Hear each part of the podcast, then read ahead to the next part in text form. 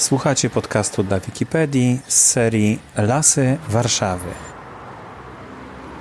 Spacerem po lesie brudnowskim.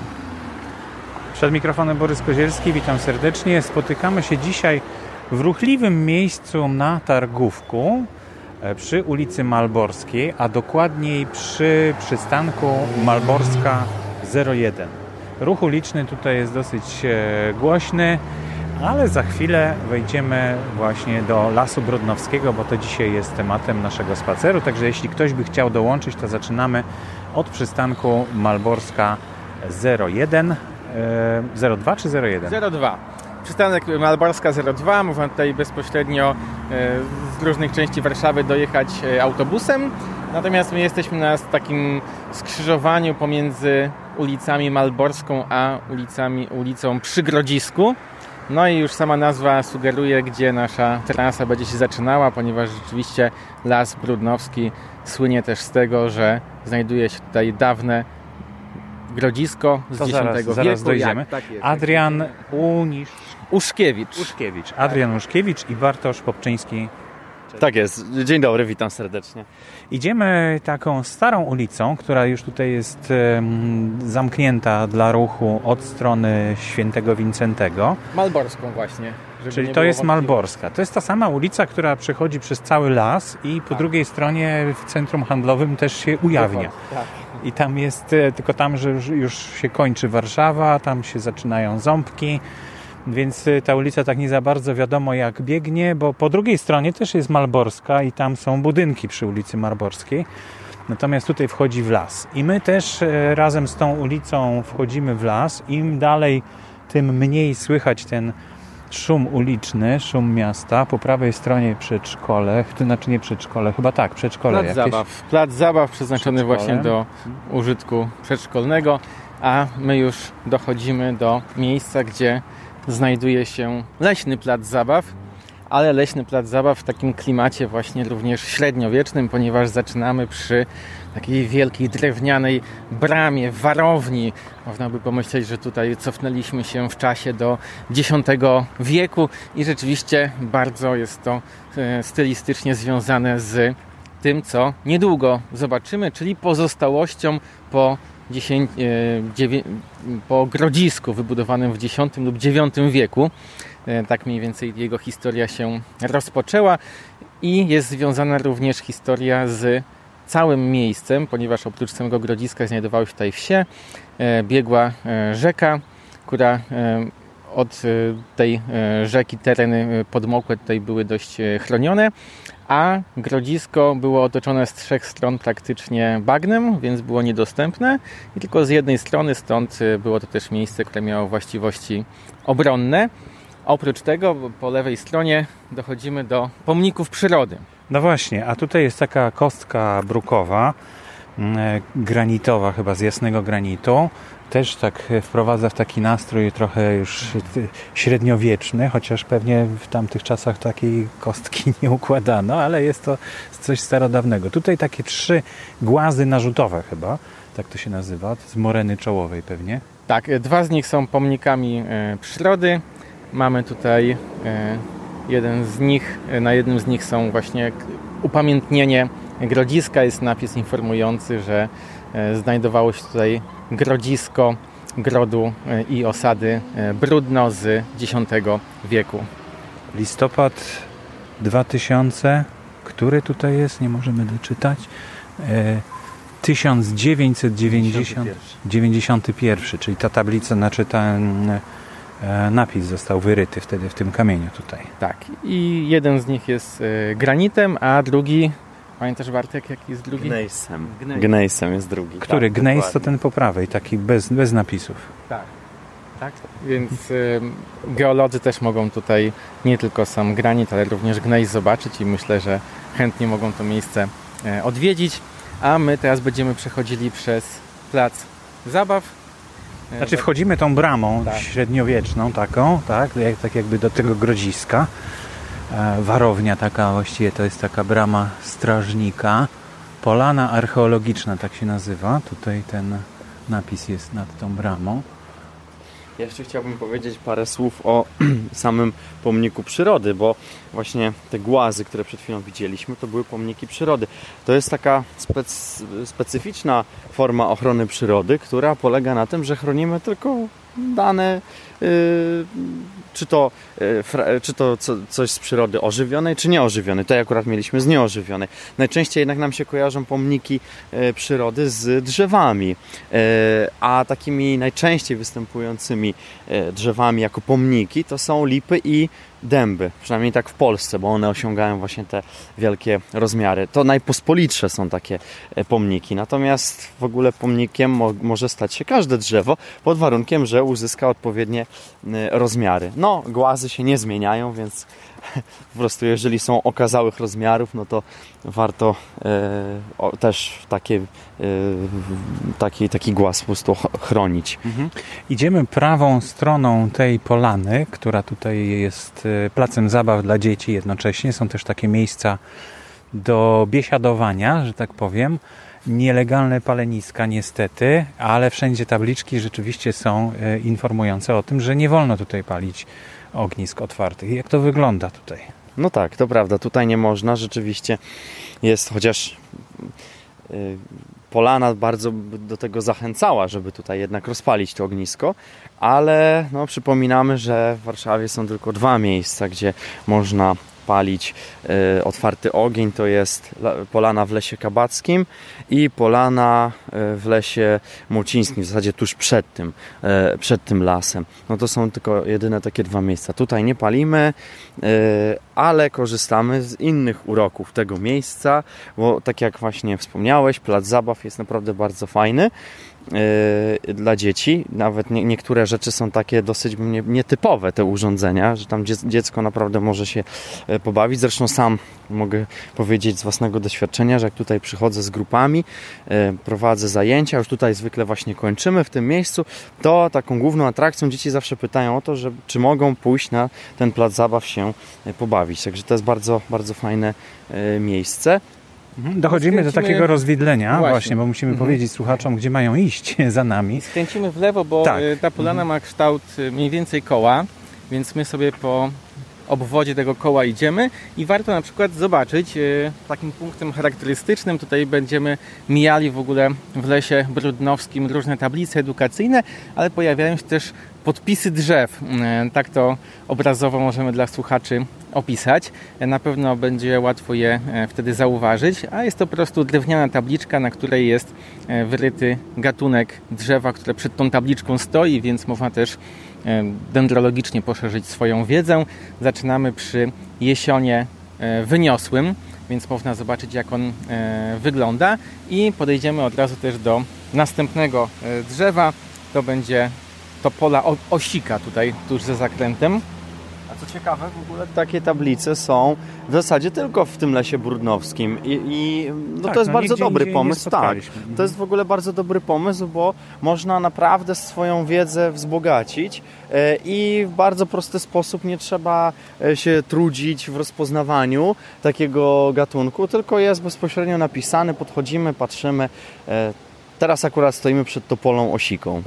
Tak, to może taka ciekawostka o topole, topoli osice z niej wyrabiano kopie husarskie, Aha. więc to było taki ciekawy typ drewna właśnie do... Dlatego przy grodzisku tutaj rośnie. A przy grodzisku może też rośnie, bo e, mamy przecież też osinowe, osikowe kołki.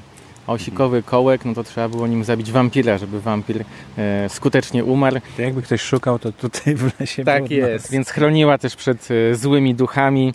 E, jeśli chcieliśmy pozbyć się wampira, no to właśnie takim osikowym kołkiem go unieszkodliwialiśmy, a również e, dawniej wierzono, że jeśli trumnę po zmarłym zabije się jej e, w e, wieko właśnie osikowym kołkiem, no to wtedy żadne złe duchy z tej trumny już nie wyjdą. Aha.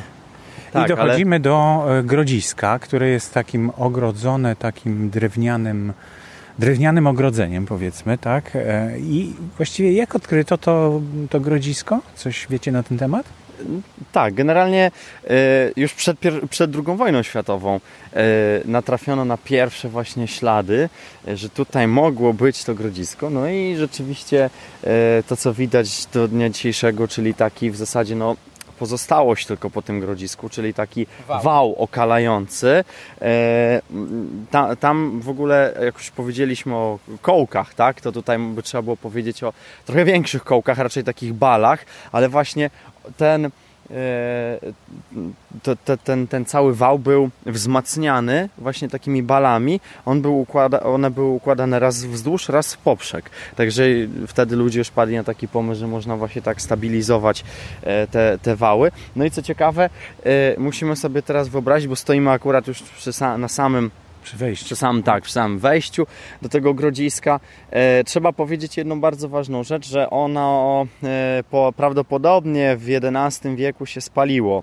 No i zostało porzucone, więc od tamtego czasu przetrwało do, do dzisiaj. E, ale nie było już od tego XI wieku u, u, mhm. tak właśnie użytkowane.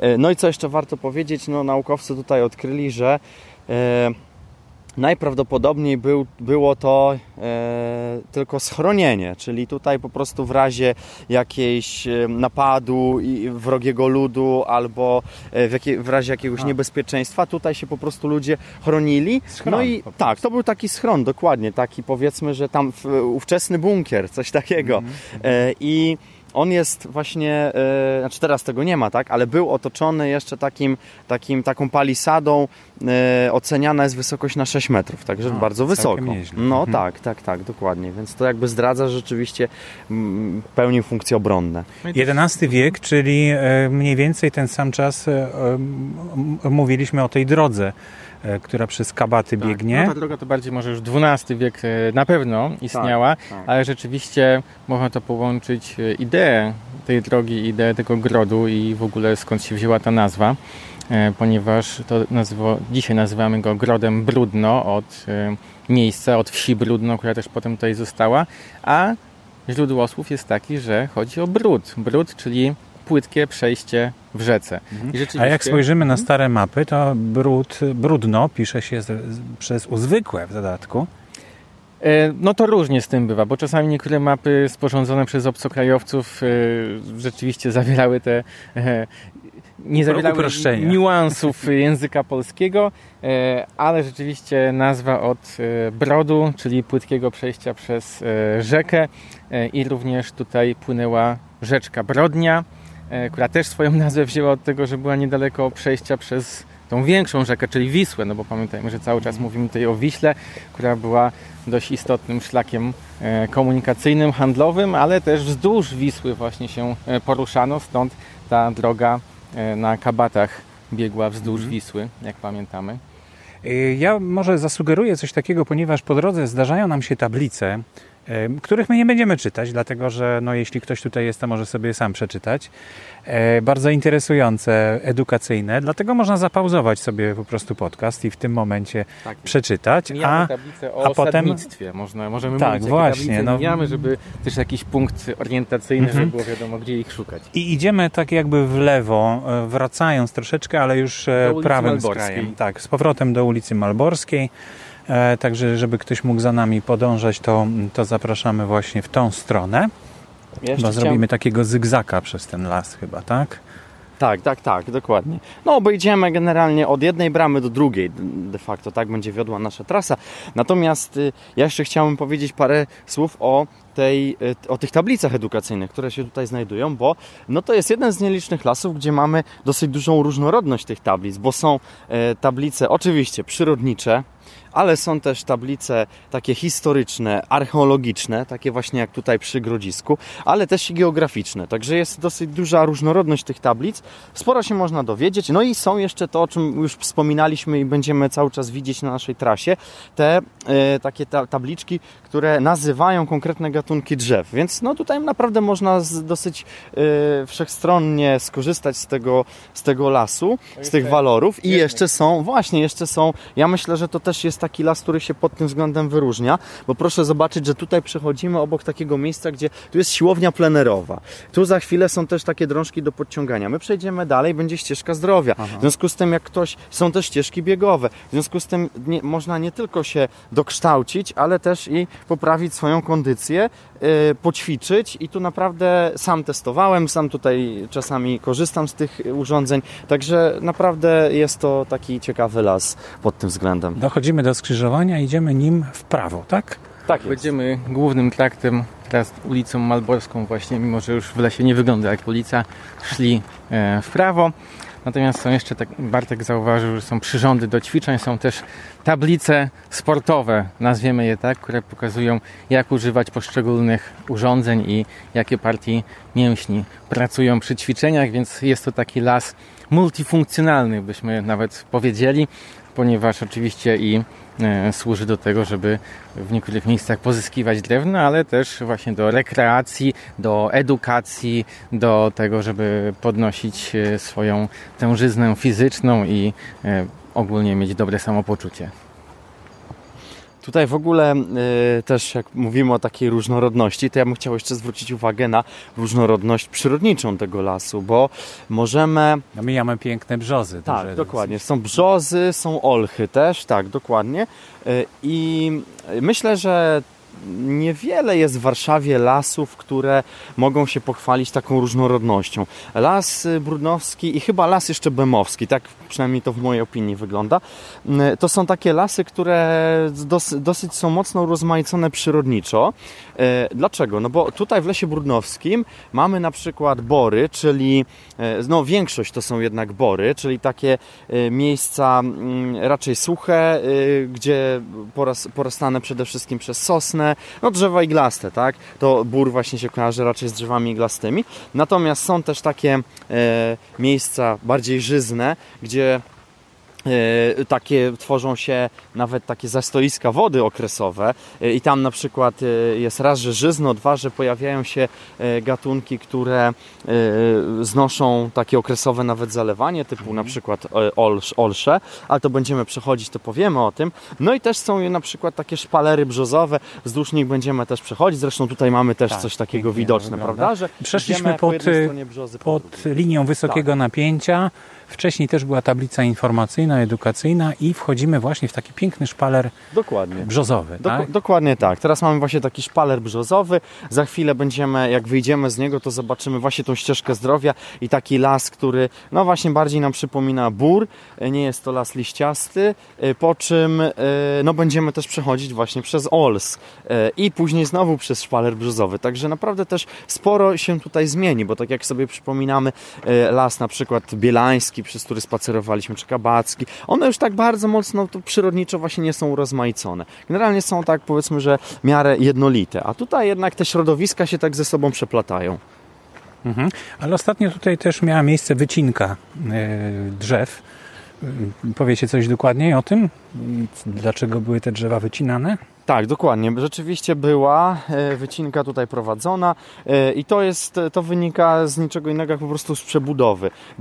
Drzewostan po prostu czasem trzeba przebudować, w związku z tym zachodzi taka potrzeba, w związku z tym wycina się drzewa, które są niepożądane w danym siedlisku e, na, i, na, i, i oczywiście to nie jest tak, że się wycina i później nic się z tym dalej nie robi, tylko oczywiście na to miejsce są wprowadzane inne drzewa, inny gatunek drzew, który jest dużo bardziej yy, pożądany. No i jeszcze tutaj warto dodać, że w ogóle w lesie brudnowskim pojawia się sporo drzew, które są, mają, pełnią taką rolę biocenotyczną, czyli y, są y, atrakcyjne dla zwierząt, y, stan, mogą stanowić taką bazę pokarmową i wierzba biała, przechodzimy obok wierzby białej.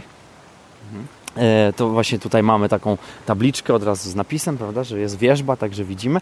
E, wrócę tylko do tych drzew biocenotycznych, więc tutaj sporo drzew było właśnie takich dosadzonych, sporo drzew właśnie takich podszytowych, krzewów też takich podszytowych się znajduje, które stanowią taki ważny element dodatkowy e, i mogą stanowić właśnie pożywienie dla zwierząt.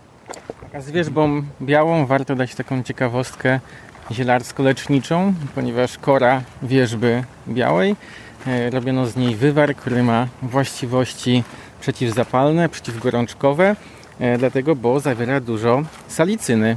A dzisiaj stosujemy e, sztuczny odpowiednik, czyli na przykład aspirynę zażywamy, która ma też takie same właściwości.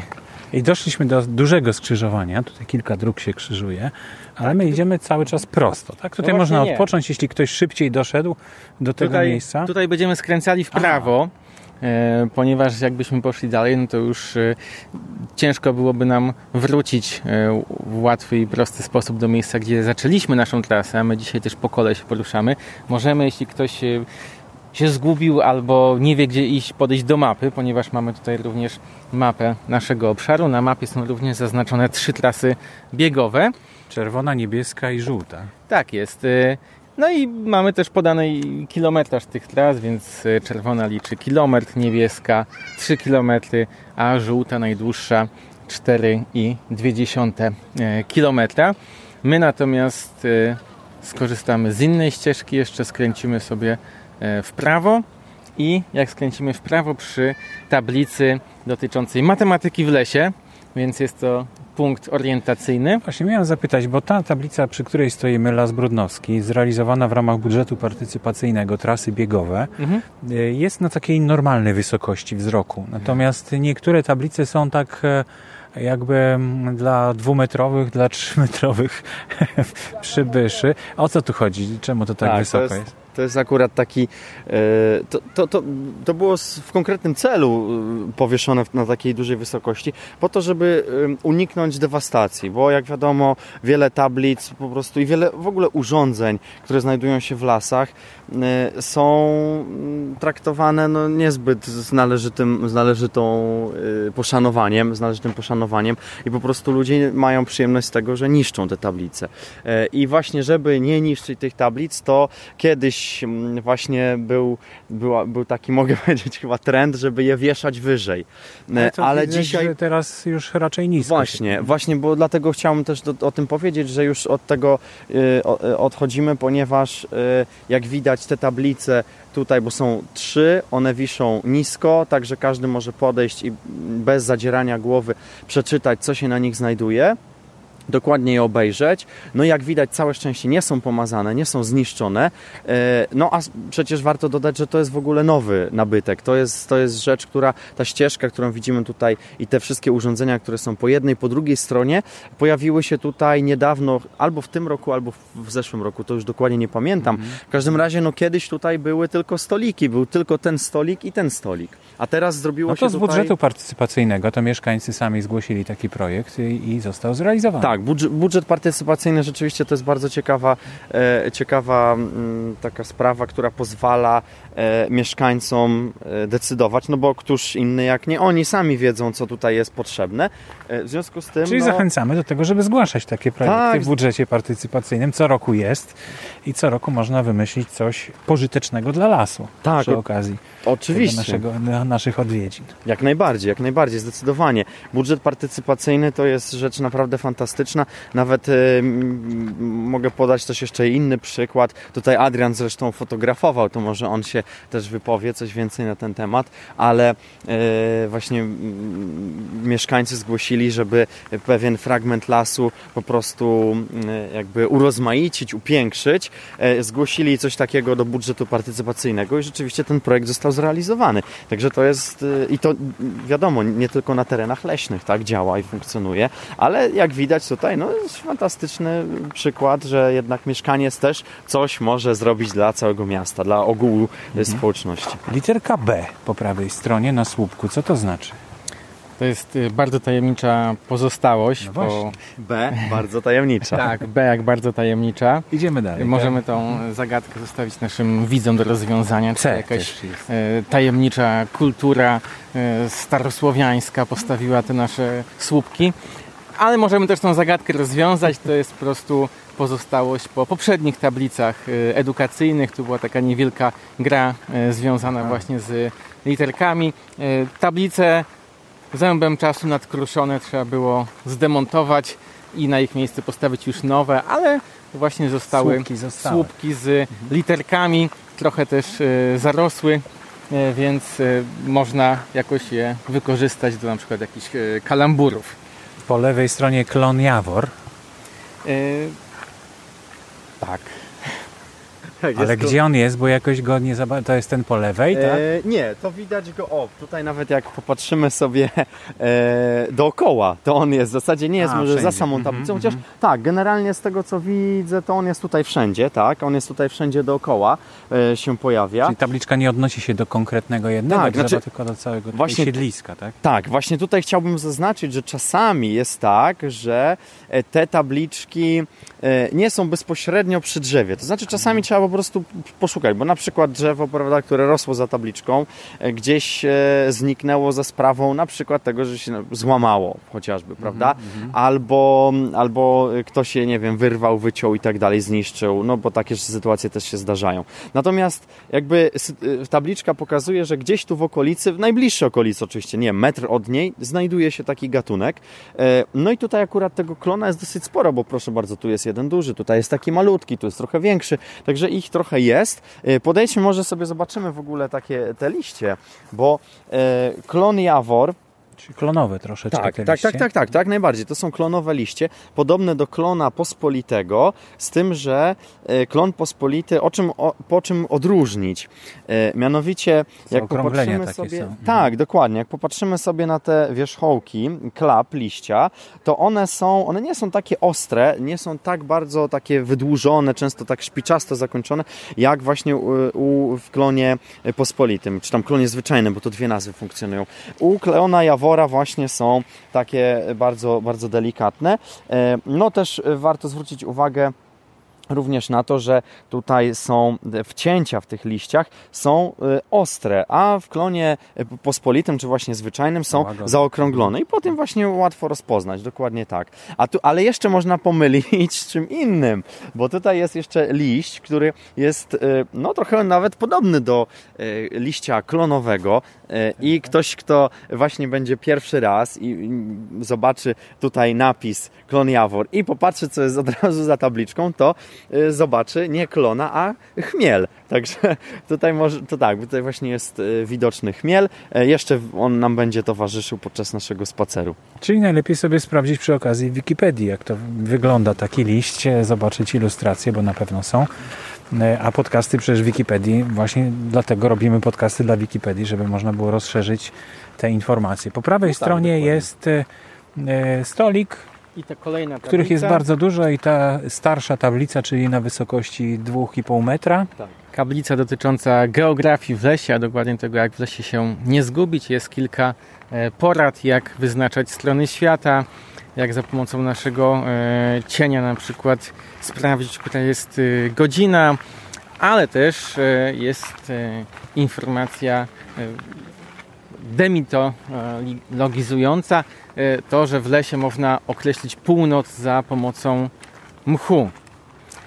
No w samym lesie niezupełnie, ponieważ e, rzeczywiście na samotnych drzewach, które rosną poza lasem i e, do, na kamieniach też. Na kamieniach też, które mają dużą porcję nasłonecznienia, to ten mech rzeczywiście porasta od północnej strony, ponieważ on jest rośliną cieniolubną E, no i słońce mu nie służy, więc porasta tam, gdzie tego słońca jest najmniej. Natomiast w środku lasu no, takich problemów już nie ma, bo inne drzewa rzucają cień, więc e, w tym wypadku łatwiej się raczej zgubić, orientując się tylko na mchu. Ale na przykład można w lesie ze sobą do lasu wziąć kompas i wtedy już nasze problemy się zupełnie rozwiązują. Weszliśmy na tą ścieżkę e, wzdłuż e, linii energetycznej, tak jakby obok tej linii energetycznej. No i taka szeroka e, dosyć wycinka tutaj nastąpiła swego czasu. Ta linia energetyczna no pewnie jest za jakiś czas możliwe, że zniknie gdzieś w podziemiach, dobrze by było. Albo w ogóle zniknie, no bo już nie będzie trzeba przesyłać, jeśli ekologiczne formy uzyskiwania energii się troszkę przebiją. Każdy będzie miał panele słoneczne i nie będzie hmm. trzeba przesyłać tych, tych gigawatów. My natomiast musimy być trochę czujni na tym odcinku, bo od razu prawie skręcamy w prawo. E, daleko nie zajdziemy, więc trzeba wypatrywać ścieżki prowadzącej w prawo prosto w las. A Taka czy... dosyć wąska, dwumetrowej tak. szerokości. Mhm. E, a czy dobrze wybraliśmy ścieżkę, to przekonamy się za jakieś 3-4 e, minuty, ponieważ dojdziemy do kładki, do drewnianej kładki nad e, terenami podmokłymi. Jeśli Państwo do tej kładki nie dojdą, to znaczy, że trzeba było inną ścieżkę wybrać. No bo nie ma tutaj znaków, żadnych szlaków drogowych, znaczy szlaków, tylko są szlaki biegowe. Rowerowych chyba tutaj też nie ma, bo za mały ten lasek, żeby szlaki rowerowe były chyba, prawda? No on jest rzeczywiście mały, to prawda, bo w zasadzie przejście tego lasu nie zajmuje dużo czasu, więc przejechanie y, też raczej z tym nie ma większego problemu. Chociaż y, E, jak zejdziemy z kładki, to zobaczymy, że tam jest jednak coś, co wskazuje nam, że jest to też szlak rowerowy. Jak najbardziej, bo tą kładką też można przejechać rowerem, nie ma żadnego problemu.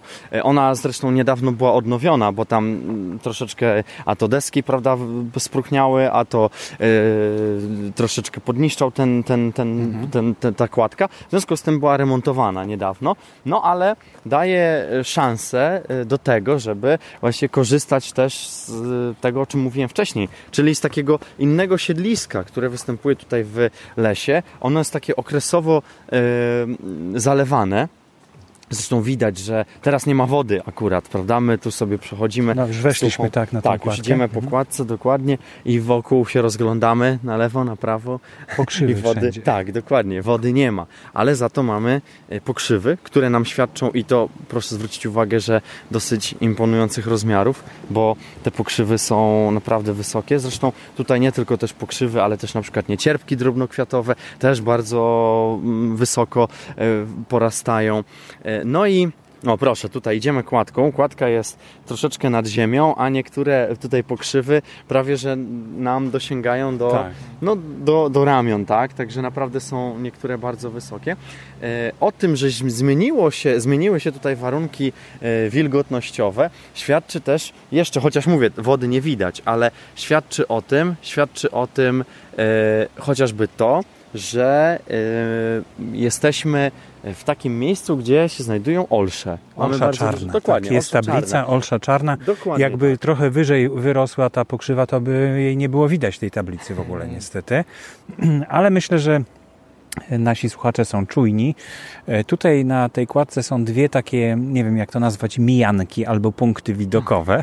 Tarasy nawet można. E, no bo jak ktoś jedzie rowerem w jedną, no to może, może to jakoś pomaga. Może wózek na przykład, żeby się minąć wózkiem, no to, to warto tam Możemy e, natomiast powiedzieć, skąd się wzięła w ogóle nazwa Olszy czarnej. Dlaczego ona jest czarna? No przecież wcale taka czarna Zielona jest, nie jest. No właśnie ale e, wzięła się stąd, że służyła do barwienia, barwienia na czarno. Mhm. Więc bardzo dobry barwnik, który farbował tkaniny na czarno, właśnie pozyskiwano z e, olszy.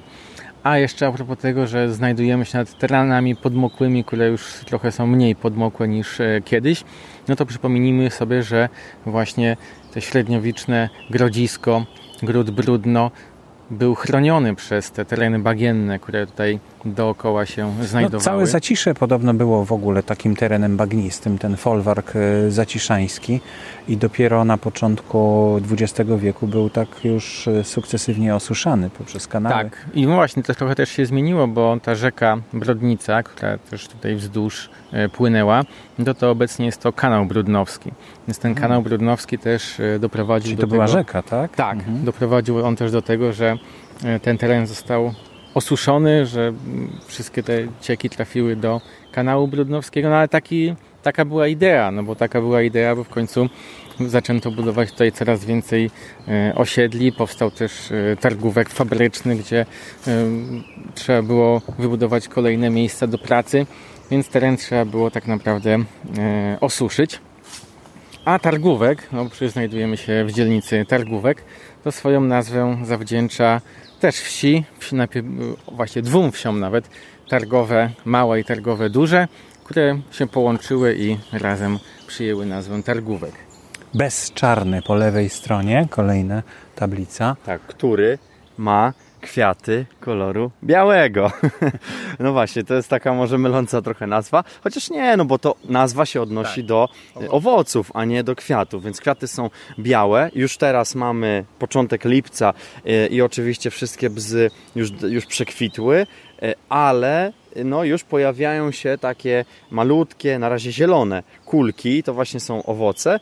My je zobaczymy, może jeszcze jak zejdziemy. Tak, to, zobaczymy to, też to w zależności od tego, w którym miejscu lasu jesteśmy, to ta wegetacja trochę inaczej przebiega, czyli jak dojdziemy na skraj mhm. lasu, gdzie dociera więcej słońca, no to wtedy też zobaczymy, że ten, na tym na bzie czarnym rzeczywiście już są zaczątki owoców. Dochodzimy do końca kładki. I tutaj mamy rozwidlenie tak w lewo, w, lewo. w prawo, idziemy tak, w lewo. Prosto, Szlak rowerowy jest. O, proszę bardzo, od razu Dokładnie. też tablica z informacją o tym, że jesteśmy na szlaku rowerowym. do odwiedzenia wszystkich naszych lasów e, rowerem, e, ponieważ no, do każdego lasu możemy na terenie Warszawy dostać się rowerem, e, przejechać wytyczonym szlakiem i też miło spędzić czas. To osuszenie tych terenów podmokłych wiąże się też ze zmianami klimatycznymi, czy nie? Czy to jest po prostu taka pora roku w tej chwili, że tutaj jest rzeczywiście sucho?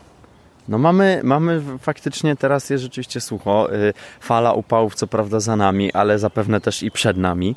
Y, ciężko tutaj stwierdzić dokładnie jaka jest przyczyna. Niemniej, no ja muszę powiedzieć, że jak przychodzi się tutaj taką wczesną wiosną, to rzeczywiście woda tutaj się pojawia. Rzeczywiście jakby nie było tej kładki, to niemożliwe byłoby przejście na drugą stronę tego, tej, tej niecki tutaj, która się pojawiła. A tu właśnie przeszliśmy e, do e, bzu czarnego i właśnie widać, że już pierwsze takie e, Malutki. maluteńkie, mhm, właśnie jeszcze tak jak mówię, zielone. Tak. 2-3 mm. Tak, dokładnie. 2-3 mm mają na razie te owocki, no ale one spokojnie jeszcze trzeba trochę, trochę poczekać i będą rzeczywiście czarne, zmienią swój kolor. A jeszcze chciałbym powiedzieć, jak już jesteśmy tak przy tych barwach i tak trochę opowiadamy o nich, to jeszcze chciałbym chciałbym powiedzieć o e, olszy czarnej, bo e, jest jeszcze jedna ciekawostka właśnie związana z tymi barwami dotycząca olszy, e, czy olchy, bo też warto zaznaczyć, że te dwie nazwy funkcjonują na, na jako jako to drzewo, czyli i olcha i olsza. W każdym razie, jak ją zetniemy, to widać, że taka świeżo ścięta olcha jest pomarańczowa. To jest mhm. dosyć ciekawe. Tak, to trochę tak jak z glisnikiem jaskółczym zielem. Jak się jego, złamie jego łodyżkę, to jest pomarańczowe. Taki intensywny pomarańczowy kolor. Z olszą jest podobnie.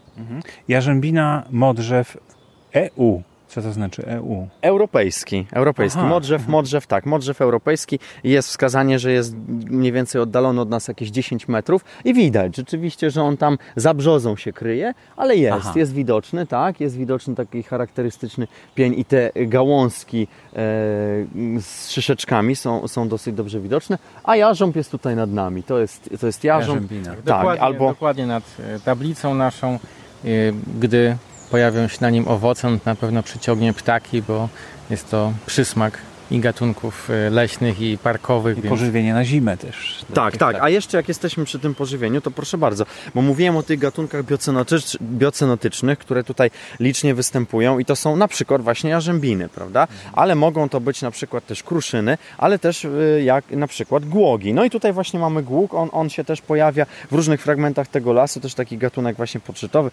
Głóg jednoszyjkowy tutaj akurat jest widoczny. Możemy go tak dokładnie umiejscowić, żeby słuchacze wiedzieli, gdy odwrócimy się o 180 stopni od tej tablicy, to mamy dwie brzozy i pomiędzy tak. tymi dwoma brzozami rośnie właśnie głuk. Trzy brzozy takie tutaj ogóle... są, jest pomiędzy dwoma. Tak, tak, tak. W ogóle takie trzeba powiedzieć, że okazałe brzozy, no bo tak. jednak brzoza nie osiąga jakichś rozmiarów typu jak stare dęby, prawda, że potrafi mieć średnicę y, półtora metra na przykład, y, mhm. tylko, czy tam metra, y, tylko to są, to są drzewa, które, które osiągają znacznie mniejsze y, rozmiary, no bo też krócej żyją. No i tu właśnie wchodzimy w taki trzeci element tego, tego lasu, o którym wspominałem, czyli mamy szpaler brzozowy. I ten szpaler chyba jest taki najbardziej charakterystyczny, tak mi się wydaje.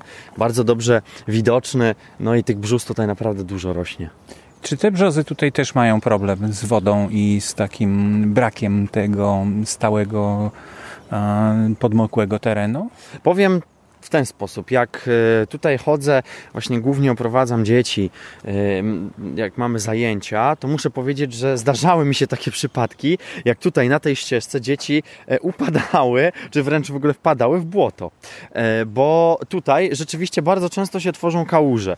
Wydaje mi się w związku z tym, że jednak tutaj tego problemu aż tak mocno nie widać, aczkolwiek teraz, no mamy początek lipca, jest sytuacja odwrotna, bo jest ziemia ziemia, nawet miejscami, jak popatrzymy pod nasze stopy, to spękana, o właśnie tak jak tutaj. I w zasadzie można było tutaj fragmenty tej ziemi można wyciągać. Zresztą Adrian nawet już to próbował i udało mu się taki kawałek zbity, taki kawałek ziemi po prostu wyciągnąć stąd. Także no jak widać jest to jak najbardziej e, możliwe i, i teraz akurat no, tej wody nie brakuje. Natomiast yy, znaczy teraz akurat właśnie jest może zbyt mało tej wody, ale często jak się tu przychodzi jest, jest, jest dużo. Mhm. Idziemy dalej tą piękną aleją. E, szpaler e, brzozowy, to już drugi właściwie, który tutaj mijamy, taki mniejszy, troszkę węższy i po lewej stronie widzimy lipa drobnolistna. Tak jest. Nowiutka tablica, więc tak widać, że tutaj będą te tablice chyba na nowo mm, zakładane. Tak, dokładnie. A lipę mamy, o tutaj, to jest to nad nami akurat. Rzeczywiście tutaj przy tej samej tabliczce jest, jest ta lipa. No lipy też bardzo ważny gatunek, też taki biocenotyczny y, dla zapylaczy i w ogóle cenny taki w lesie, bo to jest jednak drzewo, które y, no, jest, jest, jest ważne, bo y, po pierwsze miododajne, po drugie, no, z, za, jakby z taką zachętą do tego, żeby przylatywały zapylacze, głównie pszczoły. Pszczoły bardzo no chętnie no właśnie, właśnie mieszkają pszczoły w tym lesie? E, powiem szczerze, że ja nie widziałem. jeszcze jedną rzecz bym tutaj zwrócił uwagę. No bo przy tej tablicy, no właściwie na lewo od niej mamy budkę e, lęgową i tak jest e, i to jest przykład e, źle powieszonej budki, bo czasami zdarza się tak, że ludzie z dobrego serca przychodzą do lasu i na własną rękę samodzielnie wieszają budki, potrafią na balkonie przy swoim domu powiesić budkę. No i zdarza się tak, że żadne ptaki się nie wprowadzają albo na przykład wprowadzają się i spotyka je raczej dość marny los. Dlaczego ta budka jest e, źle powieszona, to my już widzimy, ale powiedzmy też e, słuchaczom, ona jest tak na e, wysokości mniej więcej mojej głowy powieszona, czyli no powiedzmy 1,75 m i jest to zdecydowanie za nisko dla ptaków. Budki należy wieszać no minimum 2,5-3 metry. To jest taka optymalna wysokość, przynajmniej dla tych budek, które tutaj mamy. Tu mamy budkę dla sikor E, muchołówek. E, no i też e, warto pamiętać o tym, że odpowiednie wymiary musimy dać ptakom do mieszkania i życia w środku. Odpowiednie, czyli tak, żeby mogły tam zbudować gniazdo, żeby przez otwór zmieścił się tylko taki gatunek, jaki chcemy tam mieć, bo jeśli będzie otwór większy, to na przykład y, łatwiej tam y, mogą większe ptaki wejść, ale niekoniecznie już zbudować gniazdo, bo... Drapieżniki też drapieżniki mogą. i pamiętajmy też o tym, żeby absolutnie przed, y, no to akurat tego złego przykładu nie ma, ale żeby przed budką nie wywieszać żadnego patyczka, ani żadnej podpórki, no bo z tych podpórek ptaki nie korzystają, one wlatują bezpośrednio w otwór i tak samo wylatują, ale bardzo lubi z takiej właśnie podpórki korzystać na przykład kuna, która jedną łapą się opiera o tą podpórkę, albo sroka, i, która wydziobuje, a kuna drugą łapą swoją e, wybiera młode albo jaja. Mhm, mhm no, cenne uwagi. Myślę, że każdy miłośnik powinien się zainteresować i też może sobie w Wikipedii na pewno wyczytać, jak, jak e, powinna wyglądać budka dla ptaków. E, na stronach e, Lasów Miejskich Warszawa też można znaleźć takie informacje? Na naszych stronach można więcej informacji znaleźć o lesie, ale na przykład można na stronie Stołecznego Towarzystwa Ochrony Ptaków znaleźć informacje o tym, jak dokładne powinny być wymiary takich budek, gdzie je wieszać. E, czasami możemy w internecie też znaleźć akcje, podczas których są rozdawane e, budki lęgowe z dokładną informacją i instrukcją, gdzie i jak je powiesić. Właśnie, a ja tutaj chciałem jeszcze powiedzieć, e, to możemy się za, na chwilę zatrzymać, ale Może usiądźmy sobie na ławeczce, o, odpoczniemy właśnie, chwilę. skorzystać z nowej, tak, nowa, nowa, dokładnie, to jest nowa ławeczka.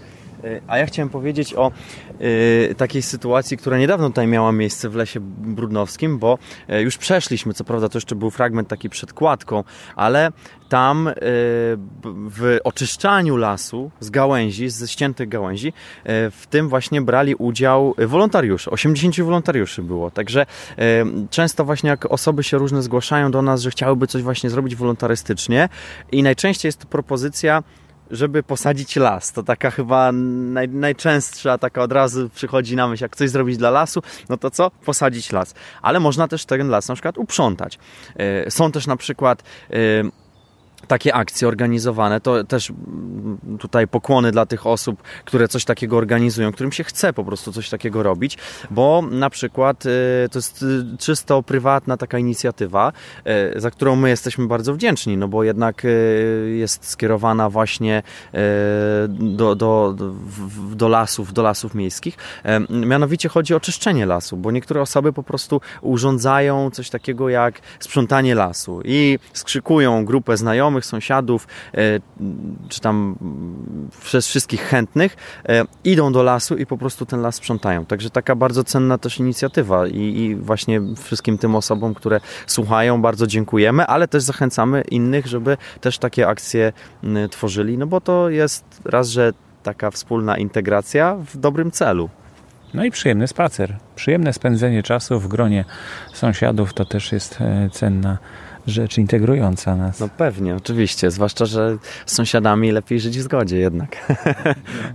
Jesteśmy przy kolejnej tablicy, ta, ta ławeczka, na której siedzimy, jest naprzeciwko e, takiej tablicy Nauka warstwy poszła lasu. w las, tak, warstwy lasu. Tak, e, Nauka poszła w las to jest temat właśnie tablic bardziej edukacyjnych, więc to jest ogólny tytuł tej ścieżki, po której się dydaktycznej, po której się poruszamy.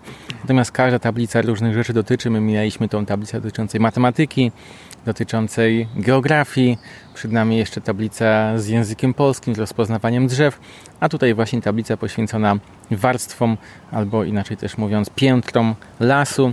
Można dokładnie sobie zwizualizować, jakie organizmy żyją na poszczególnych warstwach, piętrach lasu, e, nawet te, których no, dzisiaj na przykład nie zobaczymy, bo żyją sobie pod ziemią. Czy parkingach wysoko, podziemnych, tak? Tak, czy wysoko na przykład w koronach drzew się ukryły, to dzięki tej tablicy możemy zapoznać się bliżej z poszczególnymi warstwami. No tutaj w, w Lesie Brudnowskim chyba wszystkie te piętra są dosyć bogato reprezentowane, tak? Czy, czy tak, tak. któreś tak. kuleje? E, tak, nie, to prawda, zdecydowanie, jak najbardziej. Natomiast e, warto zwrócić uwagę właśnie na te gatunki podszytowe, o których wcześniej mówiłem, bo one, on, ich tutaj jest dosyć sporo, całkiem ciekawe są. Natomiast wydaje mi się, że jeszcze nam w tej dzisiejszym naszym podcaście e, brakuje takiego słowa poświęconego zwierzętom, bo mówimy cały czas o przyrodzie, o tym, jak wygląda ten las, co mijamy, a jeszcze nie mówiliśmy nic o zwierzętach, chociaż tutaj delikatnie zaczął ten temat Adrian mówiąc o budce lęgowej, y, która jest przeznaczona właśnie dla ptaków, chociaż nie zawsze, czasami się różni mieszkańcy też mogą też tam wprowadzić. Natomiast y, wydaje mi się, że warto powiedzieć jeszcze parę słów o tych zwierzętach, bo zresztą to jest bardzo ważny element lasu. Jak się zapyta dzieci, y, z czego się składa las, to oczywiście powiedzą w pierwszej kolejności, że ze zwierząt. Nawet nie, nie z drzew, tylko właśnie ze zwierząt, więc myślę, że warto o tym parę słów powiedzieć. Idziemy dalej, idziemy dalej, mhm. ruszamy, ruszamy dalej. E, więc no, ptaki, które się teraz cały czas odzywają.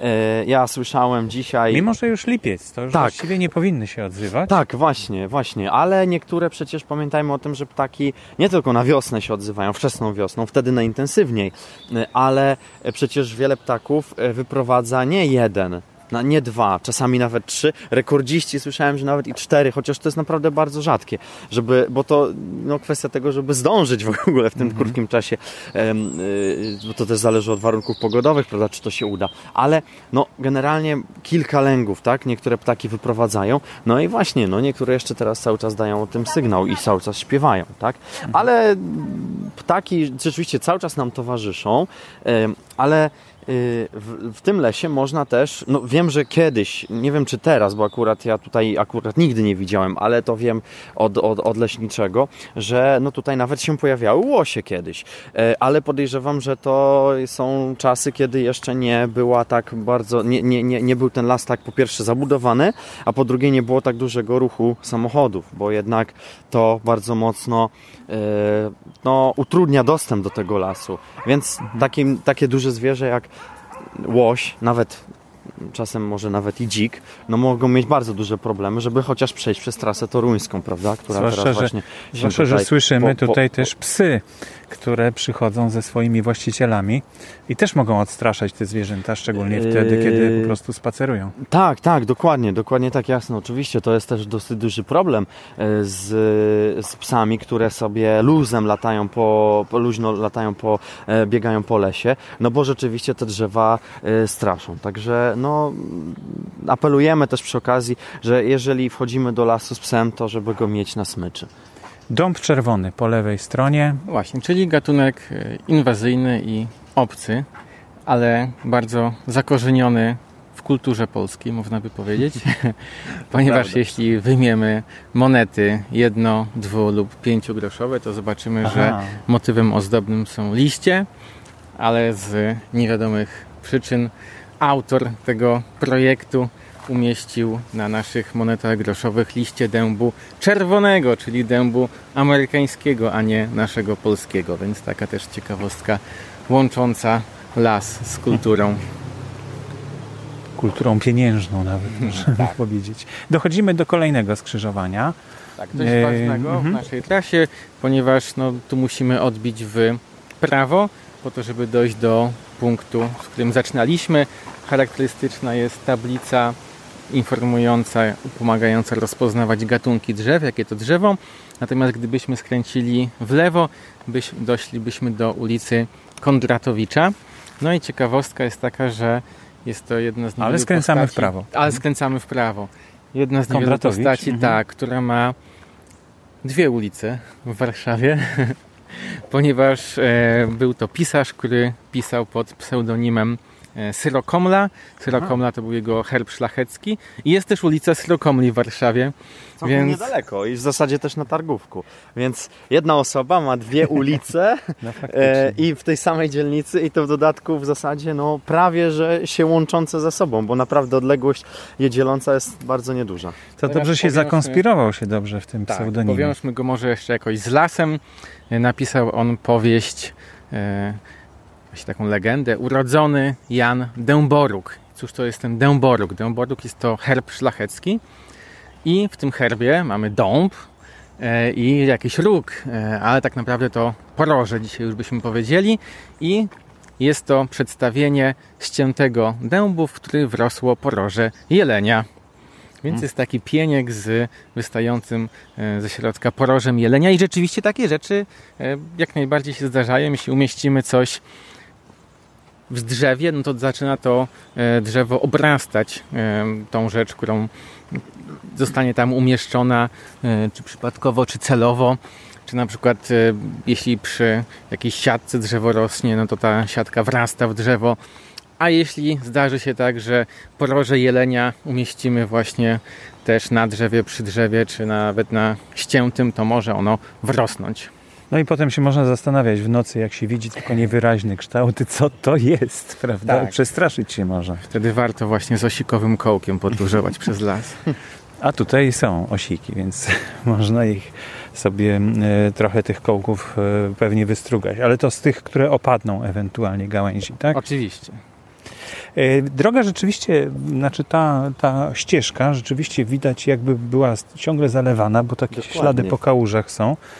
E, wypełniane w dodatku e, jakimiś kawałkami tak. drzew, które opadły, żeby, żeby wypełnić je. Nawet jakieś kostki takie brukowe, czy co to jest? Tutaj beton jakiś? Tak. Też w, w, tej, w tej nawierzchni. Warto może też powiedzieć, że tutaj mamy w lesie grudnowskim dwie pozostałości po większych konstrukcjach, e, a nawet jedna trochę zmodernizowana. Jedna to jest pozostałość po forcie 13 na terenie e, Warszawy. Lewicpol. Le, tak. Wybudowany w e, latach 80. XIX wieku, ale później na rozkaz zburzony, e, zniszczony w 1909 roku. Teren został przyjęty przez Wojsko Polskie. Jest tam jednostka Wojska Polskiego. Jakbyśmy ulicą Malborską nawet kawałek dalej poszli, no to się zbliżamy w tym kierunku. A druga rzecz to jest pozostałość po E, dawnej radiostacji niemieckiej. Mhm. Gdzie ta pozostałość jest? A ta pozostałość to jest w zasadzie bardziej w głębi lasu i ona już trochę zarosła. Minęliśmy, tak. tak, minęliśmy, ale na przykład po niej jeszcze do dnia dzisiejszego są takie odciągi po linach, w zasadzie takie kotwy, które przytrzymywały te odciągi, także mhm. to rzeczywiście można jeszcze e, do dnia dzisiejszego zaobserwować. No my jesteśmy Kolejne rozwidlenie. Tak. Idziemy w lewo czy w prawo? Delikatnie w lewo. Właśnie to już się. E, bez różnicy, gdzie pójdziemy, no tak. bo wyjdziemy na miejsce, w którym już e, byliśmy. Aha. To jest to miejsce, w którym musieliśmy uważać, żeby iść po okręgu i skręcić w lewo na samym początku naszego e, spaceru. Teraz właśnie tutaj też dochodzimy, więc zaraz nam się ukaże owa to pola no, nasz mieliśmy. spacer trwa około godziny, tak jak e, pozostałe spacery też staramy się, żeby... No nie, nie zawsze się to udaje, czasem krócej, czasem dłużej wychodzi, ale tak, e, taki spacerek godzinny to myślę, że jest bardzo e, i pożyteczny i fajny, żeby spędzić z nami, z informacjami o tym, gdzie jesteśmy, co widzimy. A widzimy właśnie na przykład kolejną tablicę z informacją o e, roślinie szakłak tak, pospolity, tak. głuk. Szakłak, dokładnie. I tu właśnie jest e, coś, co e, może być troszeczkę mylące, bo ten szakłak jest troszeczkę obok tej tablicy, czyli jak patrzymy na wprost na, tą... Na pierwszym planie jest głuk tym razem. Dokładnie, jest na pierwszym planie jest głuk, a w ogóle to jest jeszcze drzewo, które jest nazywane przez wielu e, bez. To jest taka nazwa zwyczajowa, aczkolwiek to nie ma nic wspólnego z bzem czarnym, o którym mówiliśmy wcześniej, tylko to jest bez, to kojarzymy na pewno z tych ładnych, takich fioletowych kwiatów, prawda, które się wiosną pojawiają. No już teraz dawno przekwit, więc już nie ma e, tych liści, tych kwiatów pięknych, pachnących. Natomiast to jest lilak pospolity, tak się nazywa poprawnie ta, ta, ta, ta roślina. E, I to widać właśnie delikatnie po lewej stronie tej, tej naszej mm, tablicy. Natomiast jak popatrzymy jeszcze dalej za to drzewo, za tego lilaka na lewo, to właśnie widać szakłaka. To jest właśnie Aha. szakłak. To co, to, co jest tutaj to jest właśnie... Takie okrągłe Tak, to jest tak, dokładnie. Takie, takie powiedzmy, że okrągłe liście, no tak maksymalnie do 6 cm dorastają yy, i też pojawiają się yy, na rozgałęzieniach yy, delikatne kolce. Więc Aha. jak ktoś będzie zbyt energicznie poruszał, tak, mhm. dokładnie. To po, na przykład y, kruszynę y, czasami można, jak po, po pędach się staramy rozpoznać, to czasami właśnie to służy jako taka cecha rozpoznawcza, żeby nie pomylić z kruszyną. No i głuk też. O głogu już mówiliśmy wcześniej, także mamy właśnie głuk też jednoszyjkowy y, i bez, który proszę bardzo, widać, że ten naprawdę Owoce bardzo już. obficie, mhm. tak, bardzo obficie tutaj będzie owocował na, y, no już niedługo w zasadzie i widać też, że on, no tamten, którego w lesie opisywaliśmy, to był taki dosyć lichy i mizerny. No tutaj jest nasłonecznienie bardzo duże i dlatego pewnie... Tak, tak, dokładnie. To też to, to, o czym mówił Adrian, prawda, że w zależności od tego, gdzie dane, mhm. gdzie dana roślina się znajduje, Idziemy, jakie tak? ma warunki, mhm. tak, tak, jakie ma warunki y, wilgotnościowe, nasłonecznienia, no tak może e, owocować, tak może rosnąć, kwitnąć i tak dalej. Ja jeszcze chciałem powiedzieć taką jedną rzecz, która nam umknęła na samym początku, a którą warto wspomnieć, że my y, znajdujemy się na terenie, gdzie kiedyś była puszcza. Mamy teraz miasto, jest głośno, e, bo już znowu się zbliżamy do, do drogi, ale tutaj, kiedy znajdowała się puszcza, E, no niestety nic z niej do dnia dzisiejszego nie pozostało, e, bo tutaj nie ma w ogóle żadnych starych drzew. W zasadzie mówi się, że jakieś mniej więcej 85% całego tego drzewostanu zostało, e, została zasadzona w latach 50., 60., więc stosunkowo też młody las. To jest, to jest las, który nie ma jakiejś bardzo długiej, bogatej historii. Też warto przytoczyć jedną datę, 1582 rok, kiedy to królowa Anna Jagiellonka dała okolicznym mieszkańcom wsi przywilej na wycinanie drzew. Trzeba było pamiętać, że no, nie każdy mógł pozyskiwać e, ten surowiec. E, w niektórych nawet miejscach było karane śmiercią, jeśli chłop pozyskał surowiec właśnie z Puszczy Królewskiej na przykład. Więc e, bardzo ten przywilej dla okolicznej ludności przyczynił się do tego, że ten teren tak dynamicznie mógł się potem rozwijać. Odrobinę ten rozwój został zastopowany przez e, potop szwedzki, natomiast później znowu e, udało się e, terenom wokół Brudna rozbudować i w XIX wieku w Królestwie Polskim ciekawostka była taka, że była to najliczniejsza gmina w całym Królestwie mhm. Polskim Brudno i później w 1916 roku przyłączona właśnie już administracyjnie do Warszawy. Mhm. Znajdujemy się już e, prawie na ostatnim punkcie naszego, naszego spaceru i trafiliśmy pod jabłoń, taką zupełnie dziką jabłoń, która jak tutaj się znalazła w lesie? Tutaj sadu nie było żadnego chyba. No może tu mamy jakąś pozostałość właśnie po mieszkańcach grodu, którzy też e, tutaj mieli e, drzewka owocowe i jak najbardziej je zrywali. Znaczy no żartuję trochę oczywiście, ale możemy tak myśleć. Tak, to znaczy w ogóle to jest no tak, Adrian sobie tutaj ewidentnie żartuje, ale e, faktycznie tych drzew jest owocowych tutaj jest sporo, bo jesteśmy tutaj przy tym właśnie grodzie i tutaj z tego co ja zauważyłem, no to są jabłonie, są, jest tak, jest oczywiście są grusze, są też mirabelki, czyli e, no jest troszeczkę tych drzew owocowych. Poza tym w ogóle też ciekawe, jak pójdziemy sobie jeszcze e, za ten plac zabaw, przy którym już jesteśmy, zresztą chyba słychać, bo dzieci się bawią na nim, e, to zobaczymy też wierzbę białą. E, też bardzo ciekawy gatunek, bo wierzba biała swoją nazwę zawdzięcza oprocze, a tutaj właśnie mamy to jest właśnie grusza. Tu stoimy teraz, podeszliśmy pod, pod gruszę.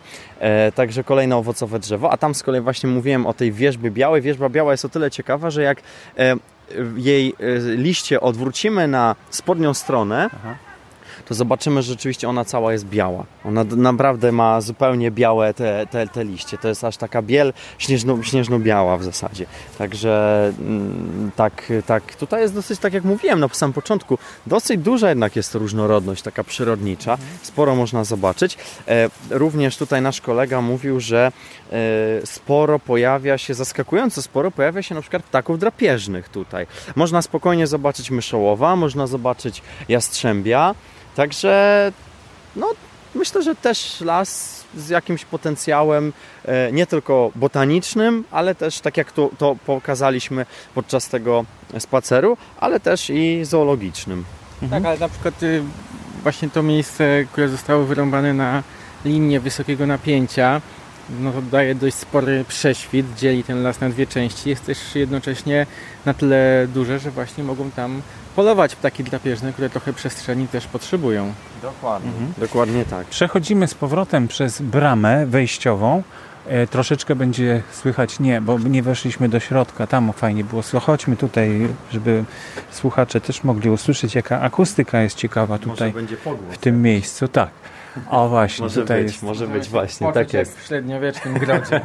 Prawie, że. Chociaż tutaj rzeczywiście pikniki są urządzane, no bo to jest chyba jedno z lepszych miejsc, jak nie w ogóle chyba najlepsze miejsce w Warszawie, żeby właśnie urządzać pikniki o tematyce dokładnie tak, rekonstrukcyjne, średniowiecze, dokładnie. Tak, spotyka się tutaj rzeczywiście takie rekonstrukcje, całe osady rzeczywiście. W zeszłym tygodniu nawet była, tak. Bo, bo tak, nawet tutaj plakat jeszcze pozostał, także, także tak. Mi się jeszcze nasunęła jedna taka ciekawostka odnośnie lasu lasu brunowskiego, że tutaj rośnie taki grzyb ciekawy, który się nazywa e, e, ucho bzowe, tak, ta, ta, taka jest jego nazwa, e, a my znamy tego grzyba, on nie ma jakichś specjalnych walorów smakowych, raczej ma taką swoją specyficzną strukturę, taką podobną może do chrząstek i jego znamy z popularnych Chińczyków. Ten grzyb właśnie taki, który jest nazywanym grzybem Moon, to jest właśnie nic innego jak prostu uchobzowe, które również można znaleźć w normalnie w warszawskich lasach też rośnie. E, na brzegiem Wisły można spotkać. Także e, to jest właśnie to, jest właśnie to, to takie grzyb, który jest chyba bardziej jednak ceniony w Azji niż, niż w Europie. No i wyszliśmy już z tej bramy, wychodzimy z powrotem na e, ulicę Malborską, która jest już zamknięta dla ruchu w tym miejscu. E, przy kamieniach, e, które, o których mówiliśmy na początku. Bardzo dziękuję za ten wspólny spacer. Był ze mną Bartosz Popczyński. Dziękuję serdecznie. I Adrian Uszkiewicz. Dziękuję. To był podcast dla Wikipedii z serii Lasy Warszawy. Zapraszamy do subskrybowania kanału i słuchania poprzez iTunes, czytniki na Androida lub bezpośrednio ze stron Wikipedii w hasłach, których dotyczą audycje. Podcasty Lasy Warszawy wyprodukowane zostały we współpracy z jednostką Lasy Miejskie Warszawa.